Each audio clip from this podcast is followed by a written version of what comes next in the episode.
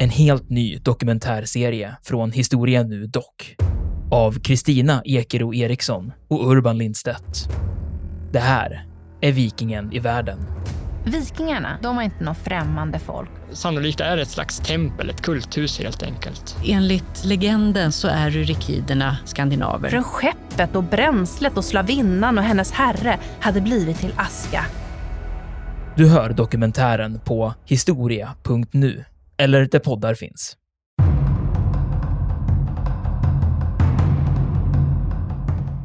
Man har det i efterkrigs-Europa och framförallt är den där idén om att det skulle ha funnits liksom en doktrin, en genomtänkt blixtkrigsdoktrin. Den föds under efterkrigstiden. Men forskningen menar, eh, de allra flesta idag menar att det, är inte på det sättet. Det första egentliga fälttåg där man kan säga att det finns en genomtänkt tanke, operativ tanke, strategisk tanke som kan vara ett blixtkrigskoncept. Det är 1941 års anfall på, på Sovjetunionen.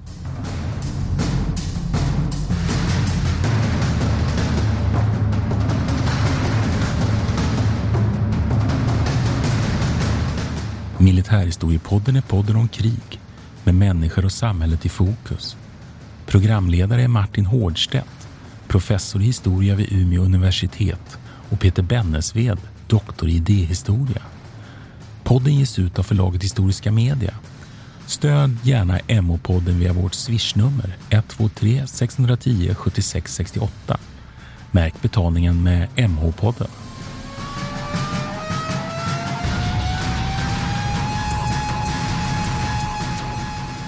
Ja, men välkomna till Militärhistoriepodden. Mitt namn är Peter Bennesved. Eh, och jag heter Martin Hortstedt. Och idag ska vi snacka om den 10 maj 1940. Ännu ett, eh, ett eh, ödesdigert datum i Europas historia. Och jag vet, vi snackade lite igår, Martin, du och jag, på telefon bara, hur vi skulle lägga upp det här avsnittet. Och då så berättade du, du var väldigt exalterad. Det är nästan lite synd att vi inte spelar in det där telefonsamtalet. Det hade, varit, det hade varit ett bra bidrag också. Men jag kommer ihåg att du sa då att jag, liksom, jag är jävligt taggad. Det här 20 års inläsning. Men vad, då undrar man ju, vad ska du berätta för lyssnarna vad det är som liksom gör den här Frankrikes fall så himla intressant?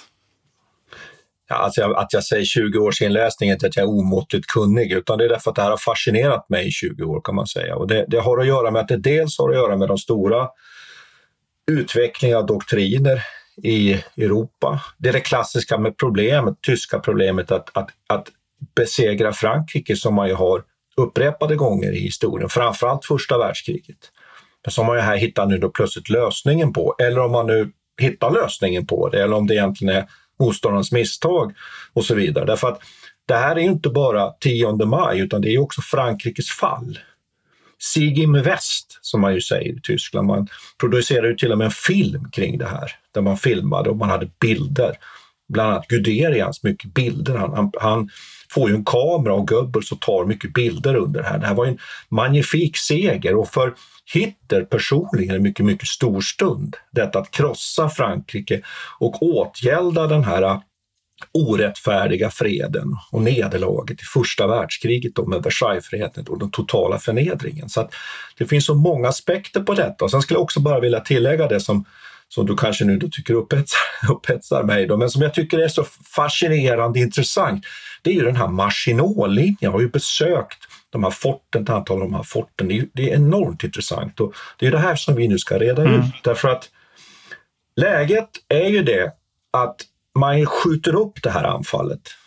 Eh, och ni som har lyssnat på, på vårt avsnitt om, om 9 april så är det ju så att ockupationen av Norge och Danmark den kommer ju så att säga inom citationstecken i, i, emellan här eh, och skjuter ju upp det här anfallet på, på väst. Och vi behöver inte reda ut i detalj varför det här sker. Det finns så många olika orsaker. Eh, men en sak som jag tycker vi kan beröra där, det är ju att man är inte riktigt tillfreds med krigsplaneringen därför den krigsplan man har på hösten 1939 i kort, korta drag, den, den liknar väldigt mycket den gamla Schlieffenplanen från 1914. Mm. Mm-hmm. just det, men berätta för vad är Schlieffenplanen då? Ja, Schlieffenplanen var ju, dels är Schlieffenplanen en strategisk plan som ju handlar om att de först ska slå ut ryssarna i öster och sen gå mot väster. Men om man tittar på den operativa planen för själva anfallet på Frankrike så var det som man tänker sig en dörr med gångjärn i Luxemburg. Och den här dörren då ska så att säga slå igen kring då Frankrike ner över och man ska runda så att säga då Paris och kringgå hela den franska armén som då ju var framförallt då med sin tyngdpunkt utgångsgrupperad just där, liksom i den här vinkeln där, där den tyska och franska gränsen då möts vid Luxemburg. Eh, och den utspr ursprungliga planen som man har på hösten 39 som man jobbar med och i OKV och i, i planeringen även i Wehrmachts stabsarbete, den är ju att just ha en väldigt tyngd i anfallet genom Holland, men framförallt genom, genom Belgien. Norrifrån komma ner som i Sliffenplanen. Och där man då har en armégrupp B, en armégrupp B som ska slå där. Och sen så har man då en armégrupp A som ska slå lite längre ner och en armégrupp C som ska, som ska gå mot, mot den, den, den fransk-tyska gränsen lite längre söderut. Och då händer ju någonting i det här stabsarbetet, nämligen att det kläcks en ny kärv plan som så småningom kommer till, till Hitlers kännedom. Och ursprunget i den här planen är ju den här Manstein som finns på lite lägre nivå faktiskt i, i Wehrmachts stab. Ready to pop the question? The jewelers at BlueNile.com have got sparkle down to a science with beautiful lab-grown diamonds worthy of your most brilliant moments. Their lab grown diamonds are independently graded and guaranteed identical to natural diamonds, and they're ready to ship to your door. Go to Bluenile.com and use promo code LISTEN to get $50 off your purchase of $500 or more. That's code LISTEN at Bluenile.com for $50 off. Bluenile.com code LISTEN. Quality sleep is essential. That's why the Sleep Number Smart Bed is designed for your ever evolving sleep needs. Need a bed that's firmer or softer on either side? Helps you sleep at a comfortable temperature? Sleep Number Smart Beds let you individualize your comfort so you sleep better together. JD Power ranks Sleep Number number 1 in customer satisfaction with mattresses purchased in-store. And now save 40% on the Sleep Number limited edition Smart Bed for a limited time. For JD Power 2023 award information, visit jdpower.com/awards. Only at Sleep Number stores or sleepnumber.com. This is Paige, the co-host of Giggly Squad, and I want to tell you about a company that I've been loving, Olive and June. Olive and June gives you everything that you need for a salon quality manicure in one box. And if you break it down, it really comes out to $2 a manicure, which is absolutely insane. It's also so easy to get salon worthy nails at home with Olive and June. The difference between how your nails used to look when you did them yourself and now with the Manny system is a complete game changer. The best thing about Olive and June too is it's a quick dry. Dries in about one minute, lasts for five days, and full coverage in up to one to two coats. Visit oliveandjune.com slash perfectmanny20 for 20% off your first system. That's oliveandjune.com slash perfectmanny20 for 20% off your first system.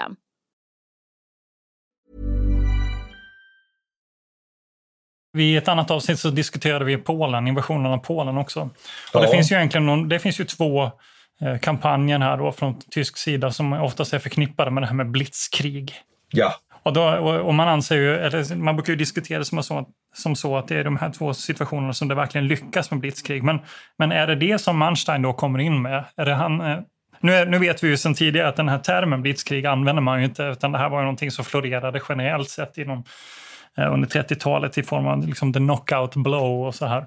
Den typen ja. av diskussioner. Men, eh, men formulerar sig, alltså det är ju frågan om, formulerar sig här en, en doktrin utifrån vinsten som man då kände, den vinden i ryggen man fick av Polen, när man sen lägger om planeringen inför Frankrike?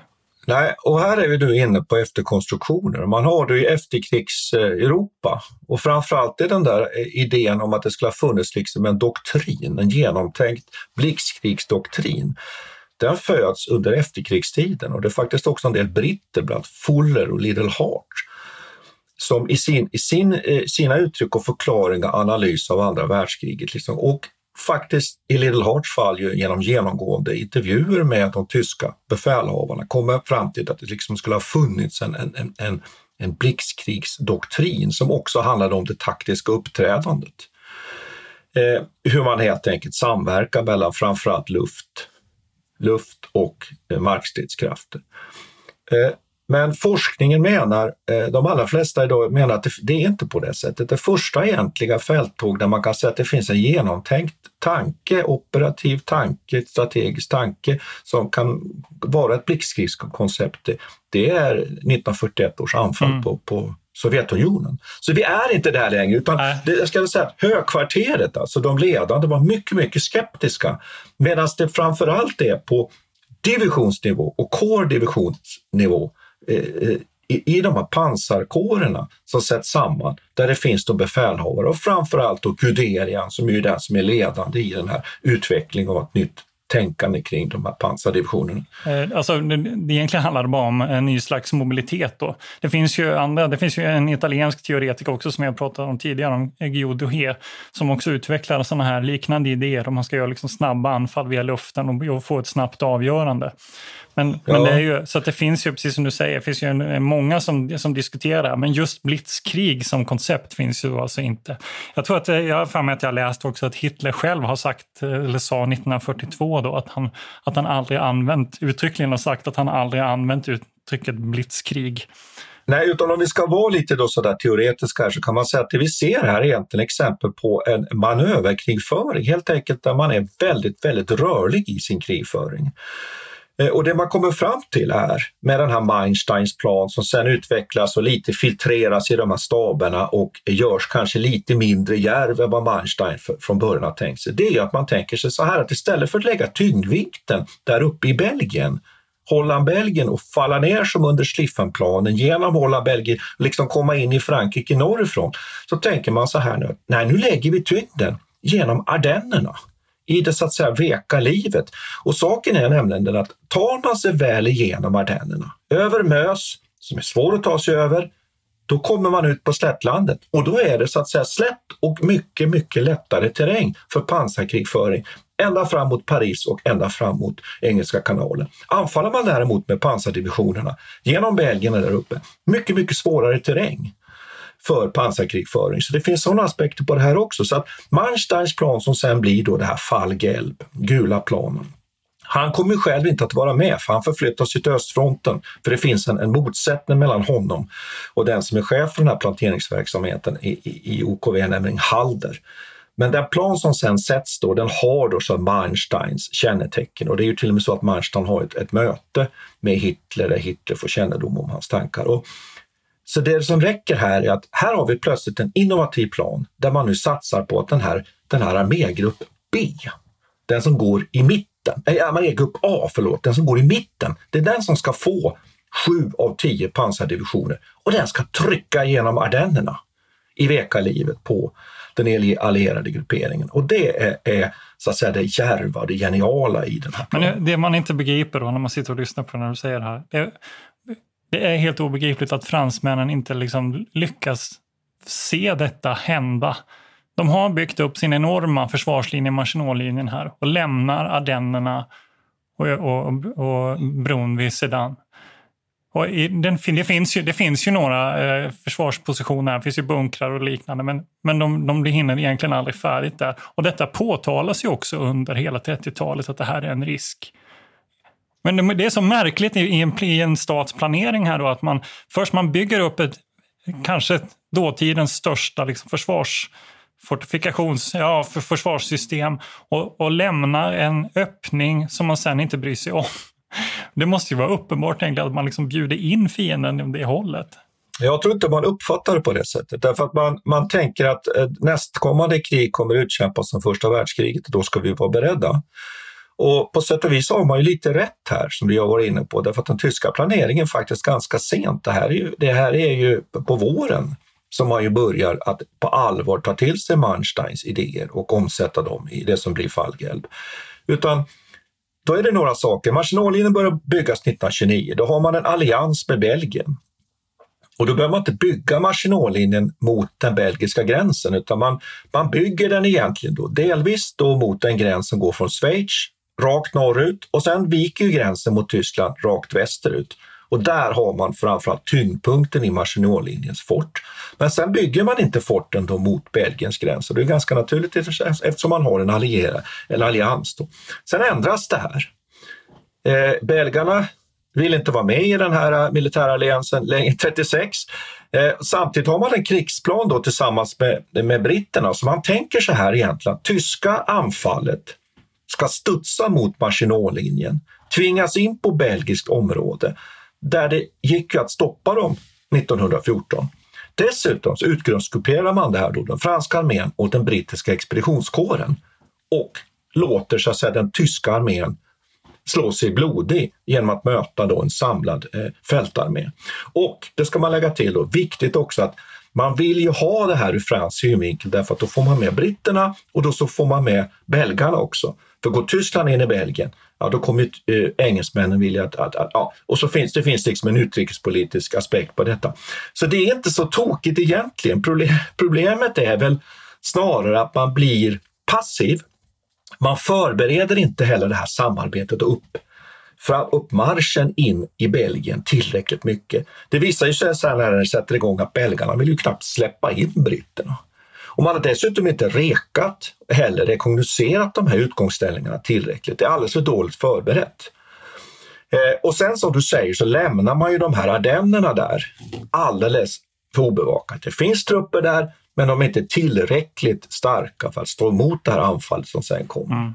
Ska vi gå igenom, eh, ska vi gå igenom nu händelseförloppet här? För det, vi, nu pratar vi lite som att vi vet vad som kommer hända, men det kanske inte lyssnar. Vi vet vad som kommer hända. Eh, nej, men eh, orden kommer ju och den 10 maj så sätts anfallet igång på riktigt allvar. Och som vi har sagt då, så, så söderifrån så sätter tyskarna då med en, en lite mindre svagare eh, eh armégrupp lite tryck på Maginotlinjen, binder fransmännen där. Och sen i norr så inleder man ju med att ta Holland och Belgien inledningsvis. Och då har man då tre pansardivisioner där som man, som man har, nyttjar i, i då, eh, den armégrupp B som används där. Och det där kan vi ju nämna där att där har vi, har vi bland annat bombningen av Rotterdam och luftlandsättningen faktiskt med Falkenjägarförband. Alltså det borde vara ett eget så, avsnitt någon gång. Eh, det borde ja. egentligen vara det. Och det, det så att Holland tas egentligen, och här kan man väl säga någonting som också kännetecknar det här tyska anfallet, att det finns väldigt mycket innovativa inslag i det. Man använder Falkenjägarförband under, under en, en chef som heter Kurt Student som sätter Falkensjägare. De har inte eh, bara framgångar. När man tar Belgien sen så småningom, då anfaller man på ett väldigt nydanande sätt ju ett, en fästning som heter Eben Emanuel som ligger väldigt strategiskt viktigt mitt i Belgien som man måste förbi och där luftlandsätter man förband på taket faktiskt med glidflyg och spränger sig genom taket med, med speciella konladdningar. Också ett avsnitt nästan bara det. Så att här finns det alltså ett kupp och innovation och för att göra en väldigt lång historia kort kan man säga att Holland och Belgien snabbt naturligtvis eh, körs över av, av eh, tyskarna, inte utan tyska förluster. Men den delen av fronten kan vi därmed egentligen lite, lite, lite lämna och sen möter man ju så småningom då här i Belgien så möter man då den här brittiska och franska uppmarschen. Men det intressantaste här för oss, va, det är ju armégrupp A den i mitten, Ronstedts armégrupp, som ju har eh, tre stycken då pansarkilar där Guderian är chef för den, för den starkaste. Du måste berätta, som, du måste berätta om eh, vem Hans Guderian är. Ja, Hans Guderian är ju den person som man brukar förknippa med utvecklingen av pansarkrigföringen under mellankrigstiden. Han blev chef väldigt tidigt för en av de pansardivisioner som finns i Tyskland. I Würzburg sitter han, han, han skriver en mycket berömd bok som är teoretisk och grundar sig på, på studier av första världskriget och hur pansarvapnet används där, väldigt framgångsrika britter och, och fransmän, som heter Achtung Panzer. Och han blir chef då för en, en pansarkår med tre stycken pansardivisioner som blir ju den kår som kommer att, att slå sig igenom vid Sedan, för det är där som är den här inbrytningspunkten, alltså schwerpunkt i det här tyska anfallet och det är där tyskarna så småningom slår sig igenom. Och man kan väl bara konstatera att det tar ungefär fyra dagar att ta sig över floden och det kan man väl också säga här att av de här tre pansarkilarna så är det ju två som kommer över floden så småningom. Men det är en som faktiskt fastnar. Och det här kommer vi direkt in på en diskussion som vi redan liksom, tycker jag lite har annonserat. Den är, ju, är det så att det bara är tyskarnas förmåga? Eller är det eh, fransmännens misstag? Fransmännens eh, helt enkelt dåliga ledningssystem. För här kan man ju, säga så, kan man ju nämna någonting att franska armén är extremt eh, eh centraliserad och det ska hela tiden ges order uppifrån. Medan den tyska ledningsstrukturen bygger på någonting helt annat, nämligen uppdrag och att man förväntar sig att de här eh, befälhavarna tar egna initiativ. De gör ju innovationer inom radiokommunikation också. Jag kommer att vi diskuterade det här igår med och det tycker jag också är superintressant i sammanhanget. Att, att eh, medan fransmännen här fortfarande använder sig av telefonlinjer och telegrafen huvudsakligen för att kommunicera mellan de olika områdena så använder man på tysk sida radiokommunikation och man har lärt sig också att bemästra den med det här, precis som du säger, med korta uppdrag eh, och raka enkel, enkel kommunikation som gör att också i, i, i tredimensionellt att man också samarbetar och kan via radion då prata med flygplanen uppe i luften. Så. Ja, och att man kan styra på tysk sida som pluton med tre, med tre stridsvagnar. Det är på den nivån. Va? Att man kan, och att man ju också som Guderian gör i många, många fall, då också på eget initiativ många gånger, men också blir en anda i den tyska armén att leda ganska långt fram. Man har överblick, man ser vad som händer. Rommel är också chef för en av pansardivisionerna här. Han gör likadant. Han är ganska faktiskt nybörjare, helt egentligen nybörjare eller pansar, men han tillämpar, han tillämpar och använder sig av sin, sin, sin allmänna militära kunnande och innovativa och kreativa förmåga och kan leda den här pansardivisionen väldigt, väldigt framgångsrikt. Sen är det också viktigt att komma ihåg så, att den franska armén är väldigt ojämn. Man har ett system som gör att vissa förband är väldigt välutbildade, reguljära, medan andra bara består i stort sett av reservister. Den tyska armén är mycket, mycket jämnare kan man säga uttaget. Det har att göra med organisationsförmåga. Det som ju tyskarna framförallt har övertag på materiellt, för det är viktigt att komma ihåg, det är inte stridsvagnar i första hand. Nej. Eh, fransmännen har, har gott om stridsvagnar, men man väljer att använda dem på ett helt annat sätt. Sprida ut dem och vara till. Man har tre, fyra faktiskt pansardivisioner. Men de kommer alla att användas riktigt, riktigt effektivt. Man genomför en del motanfall och sådär. Men och det är ju just därför att de här floderna ligger ju botten på en ravin.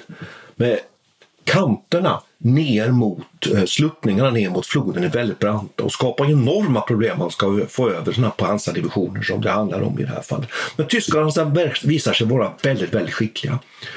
Man får över infanteri med båtar, skapar ett brohuvud. Man understöder de här anfallen med sin överlägsenhet i fly, med flyget, störtbombarna som förblindar, trycker ner och bekämpar fransmännen på andra sidan. Och fransmännen de utnyttjar inte sitt övertag. Eh, fransmännen har förberedda artilleriställningar. I en del fall finns det faktiskt så att man har kasematter, alltså nedbyggda skyddade eh, artilleriställningar. Och, och man har också mätt in terrängen vilket gör att man egentligen kan skjuta mot förberedda mål. Men man tror inte att det här är huvudanfallet. Man tror att det här är en division. Man tror inte att det är här som hela det tyska genombrottet kommer att genomföras. When you're ready to pop the question, the last thing you want to do is second guess the ring. At Bluenile.com you can design a one-of-a-kind ring with the ease and convenience of shopping online. Choose your diamond and setting. When you find the one, you'll get it delivered right to your door. Go to Bluenile.com and use promo code LISTEN to get $50 off your purchase of $500 or more. That's code LISTEN at Bluenile.com for $50 off your purchase. Bluenile.com code LISTEN.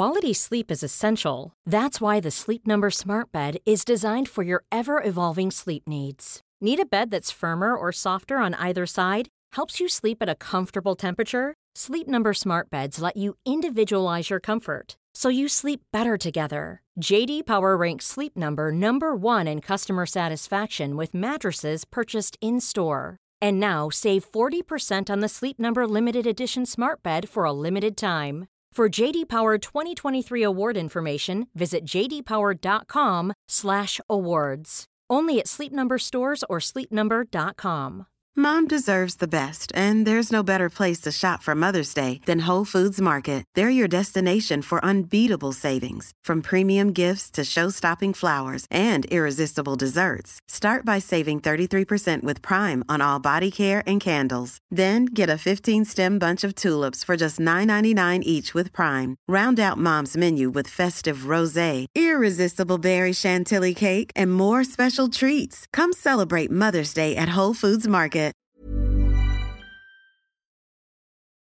Om man tittar på det här området och floden Mjös här Vad är det som gör den... Alltså fram från fransk sida så tänker man ju sig att det här är området det ingen kommer försöka sig ta igenom för det är så svår, är så svår terräng. Ja, och det är ju just därför att de här floderna ligger ju botten på en ravin. Med kanterna ner mot eh, sluttningarna ner mot floden är väldigt branta och skapar enorma problem man ska få över sådana pansardivisioner som det handlar om i det här fallet. Men tyskarna visar sig vara väldigt, väldigt skickliga. Man får över infanteri med båtar, skapar ett brohuvud. Man understöder de här anfallen med sin överlägsenhet i fly, med flyget, störtbombarna som förblindar, trycker ner och bekämpar fransmännen på andra sidan. Och fransmännen de utnyttjar inte sitt övertag. Eh, fransmännen har förberedda artilleriställningar. I en del fall finns det faktiskt så att man har kasematter, alltså nedbyggda skyddade eh, artilleriställningar. Och, och man har också mätt in terrängen vilket gör ju att man egentligen kan skjuta mot förberedda mål. Men man tror inte att det här är huvudanfallet. Man tror att det här är en diversion. Man tror inte att det här som hela det tyska genombrottet kommer att genomföras. Och så småningom får tyskarna fram bromateriel och kan ta, ö, ta sig över och få över sina stridsvagnar. Och i och med det sen så skulle man kunna säga att då ligger vägen eh, öppen fram till Engelska kanalen. Och man räknar med att det här genombrottet genomförs slutgiltigt den 15 maj. Men det är viktigt att komma ihåg att faktiskt en av de här tre pansarkilarna, den fastnar ju faktiskt med Möse. Det var inte helt självklart utan det är ju vid Dinant längst norrut och vid Sedan som genombrotten först eh, kommer. Men när vägen väl är öppen så har de allierade enorma problem att vidta några eh, verkligt verksamma motåtgärder. Det handlar dels om att den allierade fältarmén, fransmännen och, och britternas huvudarmé, den finner sig ju uppe i Belgien. Man har inga gripbara eh, pansardivisioner direkt som man kan använda mot de här ty tyska pansarkilen. För det ska vi komma ihåg att det här var ju ett, ett, eh, ett vågspel. Tyskarna är ju sårbara vid den här tiden. Och dessutom så bekämpar tyskarna kommunikationen med flyg. Och sen en annan aspekt som jag tycker vi ska ta upp här. Massor med civila samlas nu på vägarna. Ja, men vi kan komma till det. Men, men, eh, men det jag tänker på, det du säger här nu, och bara för reagera lite på vad du säger. Alltså jag hittade några siffror här på, på eh, om man ska jämföra de tyska och franska luftstridskrafterna här. Och kanske framförallt eh, deras luftvärnsartilleri. Ja. Ja, så, som du sa så var de ju rätt förberedda med vad det gällde det vanliga artilleriet så att säga. Men, men, de hade bara, men på fransk sida hade man 3800, är det någon som har räknat, alltså luft, luftvärnskanoner. Och på tysk sida hade man 9300 i den här kampanjen. Och det är liksom, de, i princip är ju ett, ett av problemen som du diskuterade är att man i princip helt saknar understöd i luften. Att man blir helt utelämnad till det tysk, tyska Luftwaffe. Ja, och att man är också, tyskarna har ett väldigt stort övertag, inte dubbelt så starkt. Och det är viktigt också att komma ihåg hur mycket flygplan man har att sätta in just där på västfronten, men inte fullt dubbelt så starkt flygvapen. Men tyskarna har och framförallt en idé om hur man ska använda det, det är också viktigt att komma jo, ihåg. och vilken typ av flygplan har de? De har ju också en typ de, som, inte, som inte är särskilt effektiv. De, de har ju kört den här multipurpose-varianten ganska länge, så de har ju ett stort antal flygplan på fransk sida som helt enkelt inte är bra på någonting särskilt alls. Nej, nej. vare sig jakt eller eh, så att säga anfall eller eh, attack så bygger man den här Devoitin eh, DF, DF520 som, som var på något vis var ändå jämförbar med, med den tyska Stukan. Här. Men i maj 1940 har man bara 80 stycken av dessa. Så man, eh, och, och ett ohyggligt glapp här. Som egentligen, jag vet inte om man kan man säga att det på, på något vis är avgörande. Men i den här, den här eh, kilen som du pratar om vid Sedan så för man ju också fram det. De pratar om alltså 3800 sortier över Sedan från tysk sida med, med Stuka-bombningar som bara fullkomligt maler ner. Psykologiskt kan man tillägga, för det är bara 56 stycken franska soldater som faktiskt dör under ja. de här anfallen. Och där är du inne på något som är jättespännande. Ja. Och, och precis, det, vik tycker... det viktiga är, och det ska jag säga, att viktiga är att hålla ner fransmännen. Ja. Att hålla ner fransmännen och få uppfattning om att de är under tryck. För en trupp som är nedtryckt under ett flyganfall ser ingenting, vet ingenting. Och det är till och med så att man diskuterar på tysk sida med att när ni har släppt den första bomben, fortsätt att dyk några gånger till mm. innan nästa våg kommer med, med skarp ammunition. Därför att den här effekten av att hålla ner motståndaren är så viktig. De hade ju, de här, de hade ju visslor på sina, eh, på sina och flygplan. sirener. Ja, ja. sirener som bara skulle göra ett extra ljud egentligen, endast för någon slags psykologisk effekt. En, en annan mycket intressant sak är också att man börjar jobba på absolut lägsta nivå med, med det faktum att att man beskjuter alltså spontant skogsridåer, höjder och sånt. Mm. Vilket ju är förkastligt ur folkrättslig synpunkt, för man kan ju döda civila.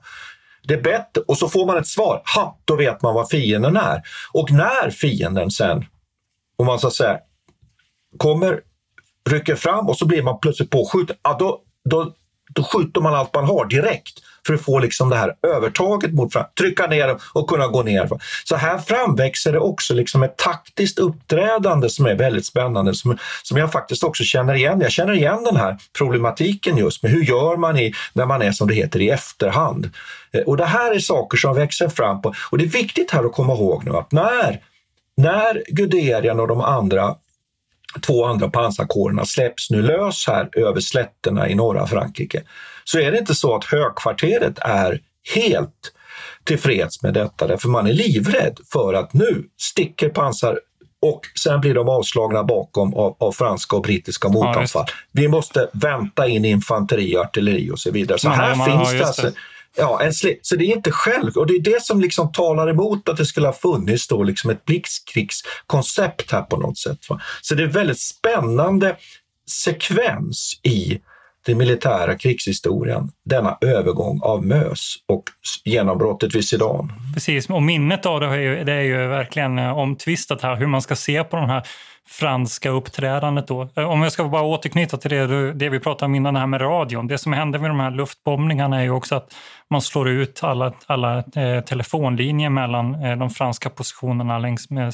eller i, runt Sedan. Så att, eh, det är inte bara det att de trycks ju ner, som du säger, utan det är också så att de inte har någon slags kommunikation åt något håll. De vet helt, helt enkelt inte vad som händer.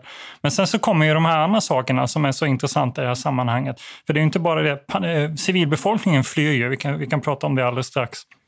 Ja, det är den, aspekt, det är den ja. aspekten som ja. liksom ja, men Civilbefolkningen flyr ju en massa och det här börjar ju redan från Belgien. Det är över två miljoner belgare som väller in i Frankrike eh, från och med den 10 maj egentligen. Eh, men det är också så att soldaterna, franska soldaterna flyr. Det finns ju den här eh, kända paniken vid Bulsan. Alltså 20 000 franska soldater, infanterisoldater som bara, som bara springer i panik egentligen på grund av ett rykte och det har ju ingenting, det var, det, det var ju exakt ursprunget till det här ryktet känner man ju inte riktigt till då, men det var det någon som har påstått någonstans att eh, tyska pansarvagnar har rullat in i Sudan, men det hade de ju inte. De kom ju först 12, 12 timmar senare. Men detta fick alltså 20 000 soldater att bara fly hals över huvud bokstavligen. Och de höll på att plundra och grejer i sina egna byar och det bara var så fullkomligt kaos egentligen. Beblandade sig med civilbefolkningen som också började fly och så här. Alltså de här sakerna är så spännande. Vad var det som gjorde detta egentligen? Vad är det som får dem att bete sig på det viset?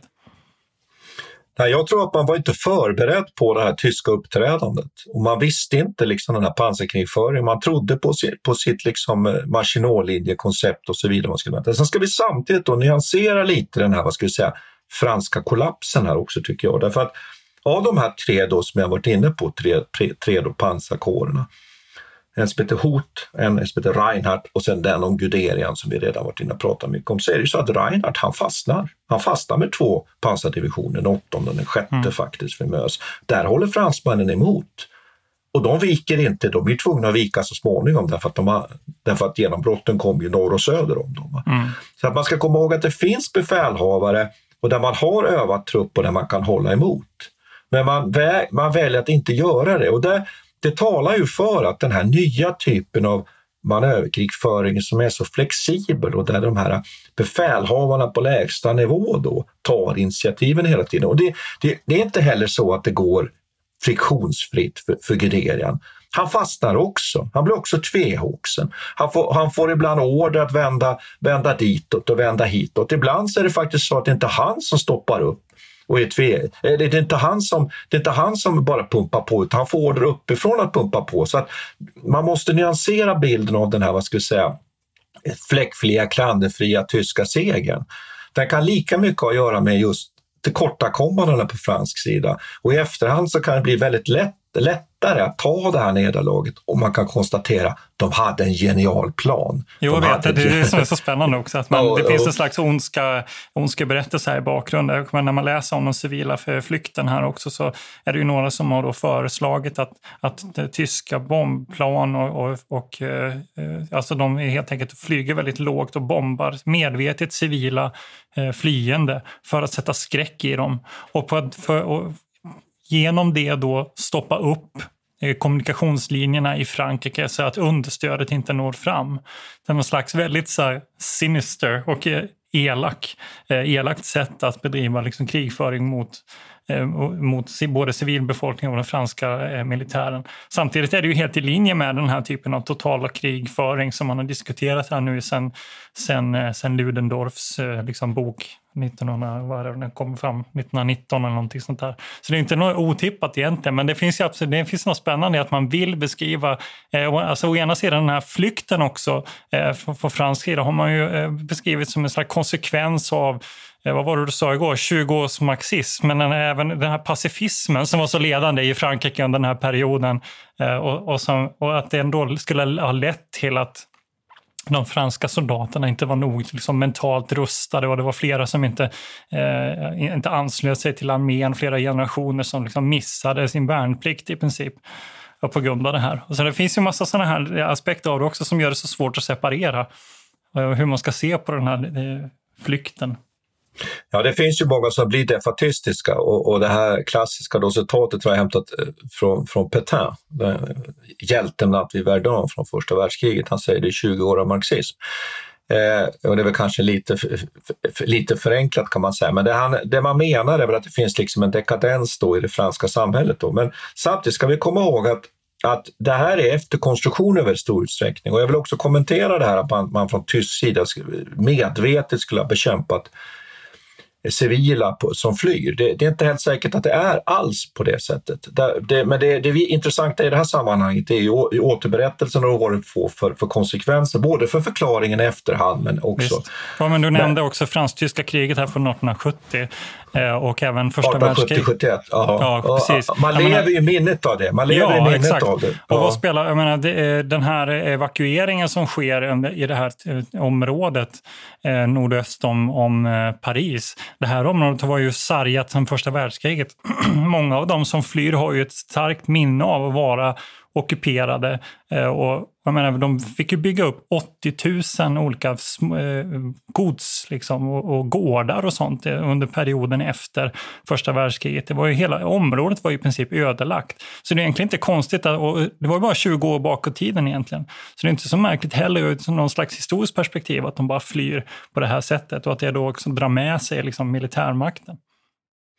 Nej, nej, men det håller jag med om. Och, man kan väl nämna här också bara att det sker ju då så småningom här en, en, en, ett byte på, på överbefälhavarposten. Då. Den 18 Mm. maj lämnar ju Gamelin och istället får vi det här Weigand. En, en, en, en, den ena gamlingen lämnar och en ny gamling kommer till kan man säga. Då. Eh, sen genomförs det ju en del motanfall, det ska vi väl ändå nämna här. Och, och jag tycker att de Gaulle tycker jag är en person som man faktiskt kan ha med i det här sammanhanget. Han, han är chef då för det som är en, en egentligen helt nyuppsatt fransk fjärde pansardivision. Och han genomför då ett, ett misslyckat motanfall vid Marlé då, den 17-19 19 maj.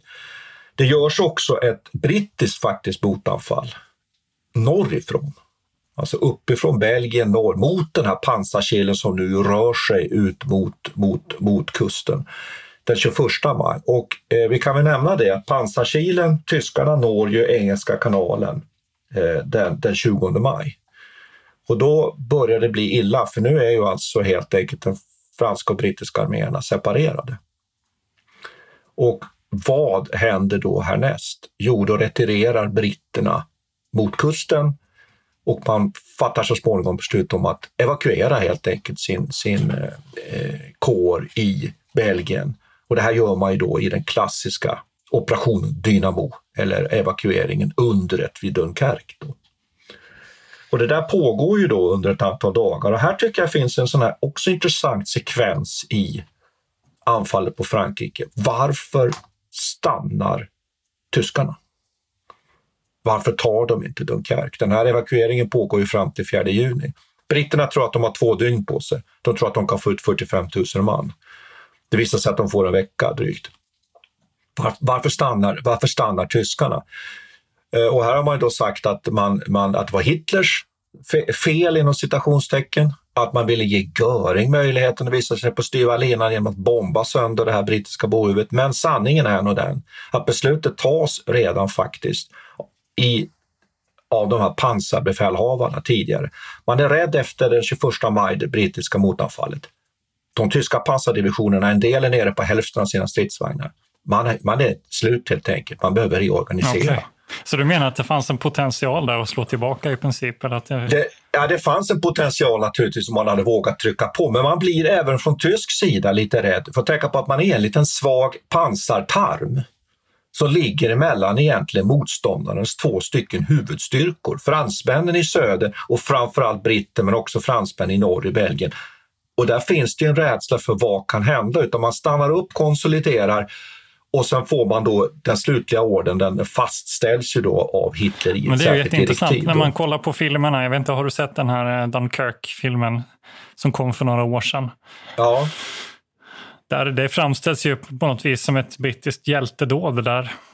Ja, det, det, skulle, det motsäger du lite grann då om du menar att de helt enkelt fick eh, mer tid än ja, som var. men jag skulle vilja säga inte. att det motsäger inte att det var ett, ett jag vet inte, hjältedåd. Ja, men, nej, men, att det, en, ja, det, det är klart att det var en, en enormt heroisk insats skulle jag vilja säga. Att, att ta över hela den här eh, truppmängden under de omständigheterna. För tyskarna börjar ju bomba och börjar sen att sätta igång anfallen mot det här brohuvudet så småningom.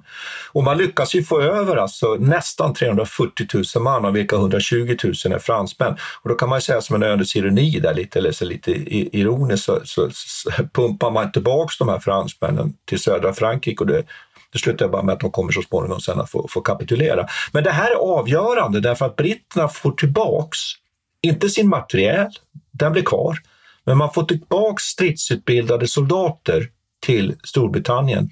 Och det blir ju väldigt, väldigt viktigt för det som kommer sen på hösten 1940 våren 1941, slaget om Storbritannien och hotet mot de brittiska öarna och fortsättningen av kriget. Så att på det sättet så skulle jag nog vilja säga att det ändå är en en, en, en, en historisk insats och ett sånt där moment i historien. Och, och vi kan väl bara nämna här att det är sen då den där 4 juni som ju Churchill håller sitt We will fight them on the beaches och så vidare. Ja. En, en, annan viktig aspekt av det här tycker jag, eh, för er som har lyssnat på vårt tidiga program så, så kanske ni minns att vi pratar om långbågarna i ett avsnitt. Det här är ju den sista kända tillfället under 1900-talet där någon fälls med pilbåge vid evakueringen av Dunkirk. Ja, det är en, en, brittisk soldat som jag tyvärr inte minns namnet på, men han kallas för typ Crazy Jack eller någonting sånt där. Som hade med sig en pilbåge här och eh, lyckades fälla en tysk soldat med, med, med en brittisk långbåge. Så det är välkänt inom långbågskretsar. Hi, this is Craig Robinson from Ways to Win, and support for this podcast comes from Invesco QQQ the official ETF of the NCAA. The future isn't scary. Not realizing its potential, however, could be. Just like on the recruiting trail, I've seen potential come in many forms as a coach. Learn more at Invesco.com slash QQQ. Let's rethink possibility. Investco Distributors, Inc.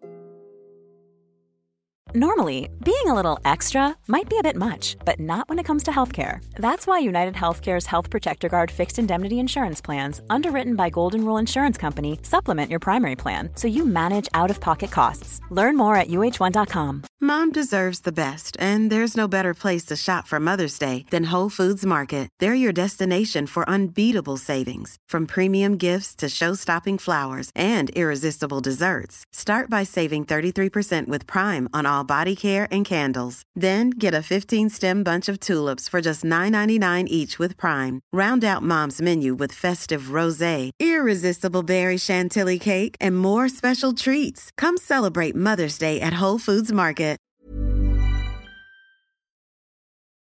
Det intressanta med Churchills uh, uh, Fight them on the beaches-tal här, det är att han är väldigt noga med att säga att detta är inte någon seger. Vi kommer inte att vinna kriget med några reträtter och evakueringar. Och det, det tycker jag är spännande och klassiskt Churchills eh, ledarskap i, i, i det här läget. Det, det viktiga också här tycker jag att lyfta fram är att det här blir ett jättestort problem i, inom den allierade ledningen. För här uppfattar fransmännen som att britterna schappar.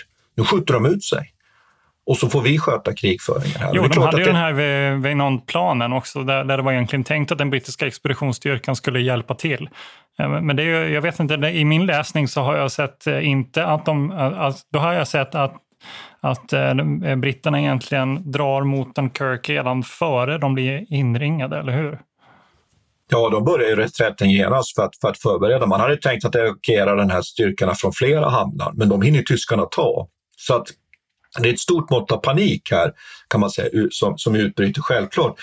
Eh, fall Gelb övergår ju i fall röd. Gul blir röd här, för att den 5 juni inleder ju tyskarna vändningen söderut då och inringningen och besegrandet av, av de, de återstående franska trupperna i Frankrike. Och hela avslutningen på det här sen kommer ju eh, några veckor senare, den, den, 22 juni, där man förhandlar fram då ett, ett, ett stillestånd som tar, tar, då, tar vid den 25 juni. Så, att, så det här vi har beskrivit är ju det absolut men vi ska inte glömma bort att striderna fortsätter ju faktiskt i Frankrike efter den här eh, evakueringen den 4 juni. Eh, och där kan man väl nämna det att, att eh, alla krig har ju förluster naturligtvis och ett anfallskrig har stora förluster och tyskarna förlorar ju väldigt mycket soldater under det här eh, anfallet på Frankrike faktiskt. Ja, de förlorar cirka 28 000 soldater tror jag. Ja, och det är ganska stora förluster ändå. Även om det är ett, att de vinner kriget så har de ganska stora förluster. Och det här tycker jag är någonting som är lite spännande och det var vi inne på även ni lyssnare som lyssnade på vårt Polen-program, Polen, eh, att, att tyskarna har förluster som man inte får glömma bort heller. Man har vissa, vissa dygn väldigt stora förluster. Jag har datorn här om jag kan dra dem. 27 000 döda, 111 000 skadade och 18 000 saknade tyska soldater alltså under den här, eh, ja. det här anfallet. Och på fransmännens sida så där vet man ju inte riktigt hur många som, som strök med, men då är siffrorna mellan det, det har varit högre förut, men den senaste forskningen pekar på cirka 50 till 90 000 döda. Eh, och exakt, ja det är ganska, det är Eh, det är svårt att veta vad man ska göra av den, den siffran. Och sen så får man ju prata också om de här 1,5 miljoner eh, krigsfångar. Ja, och då är frågan där om de här förlustsiffrorna på franska sidan också. Det är, är det förluster eller stupade? Det är ja, jättesvårt. Nej, precis. Det, ja. De har inte riktigt, det är ingen riktigt som vet det. Nej. Eftersom många, inte, många soldater ja. försvann ju bara. Så de, jag tänkte, det finns ju en, en känd episod med den här historikern som du och jag känner till, Mark Block, Eh, som lyssnarna kanske inte känner till. Men han var ju med i det här. Men hans, hans berättelse är ju eh, ett exempel på hur det kunde gå till. Han i princip flydde ju eh, och letade upp någon vän där han lånade kläder, eh, civila kläder och eh, tog in på ett hotell och låtsades vara akademiker. Eller det var han ju också, men han låtsades som han var där i akademiskt uppdrag så att säga. Och kom undan den tyska ockupationen på det viset och blev sedan en ledande del av, av motståndet sen. Och tyvärr också avrättad så småningom. Men så, så den där typen av, det vittnar ju om att eh, det här var ju ett liksom slags upplösande av hela den franska militärapparaten som inte riktigt... Så det är ju svårt att veta vad man ska göra av det här i efterhand. Nej, och man kan väl säga att man, man, man, så att säga skördar, man skördar frukten av sin oförmåga att agera under den period Tyskland ju anfaller Polen. För där hade man ju haft en möjlighet att kliva, kliva på in i mm. Tyskland. Mm. Men då är man bunden av sin utgångspunkt i att det är Maginotlinjen som, som gäller. Eh, och man helt har glömt bort då de, här, de här två stycken viktiga ingredienserna i, i, i den rörliga krigföringen. Eld och rörelse. Eld har man i Maginotlinjen, men ingen rörelse. Mm. Det är väldigt fascinerande. Och sen har vi varit inne på en massa andra aspekter. Sen tycker jag det är viktigt också att komma ihåg här att när Frankrike nu ockuperas av Tyskland så är det ju en del, framförallt den södra delen av Frankrike, som som är det så att säga det, den fria Frankrike. Säger man. Och det här kommer man ju då sen att konkurrera med de Gaulle som ju tar sig till London och blir ledare för det fria Frankrike utanför mm. eh, utanför Frankrike. Så här, här tävlar man om den där benämningen.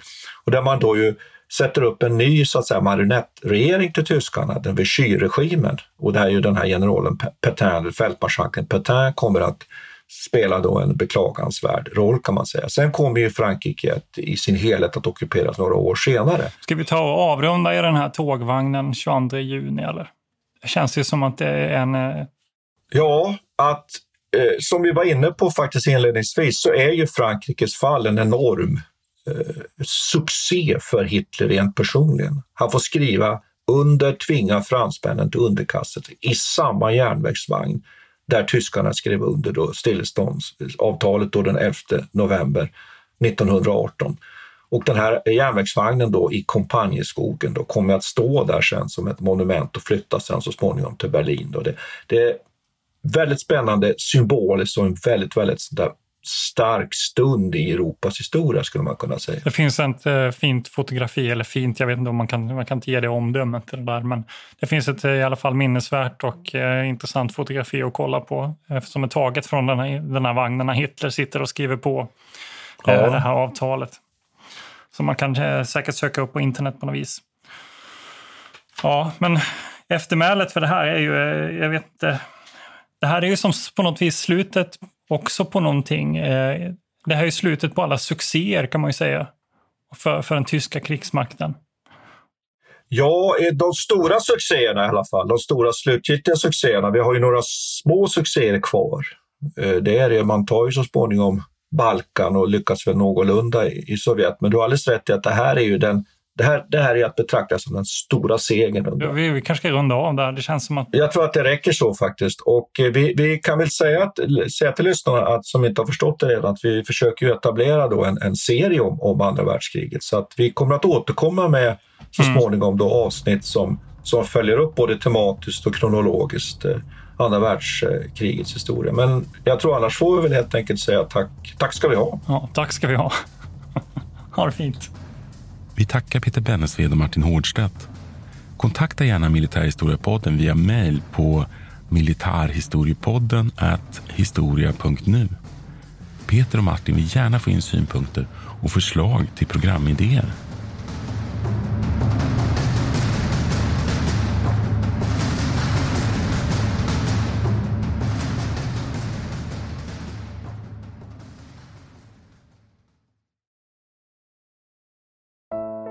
Iran har under 1900-talet genomgått tre omvälvande revolutioner som orienterat landet antingen mot västerlandets modell eller mot en auktoritär styrelseform.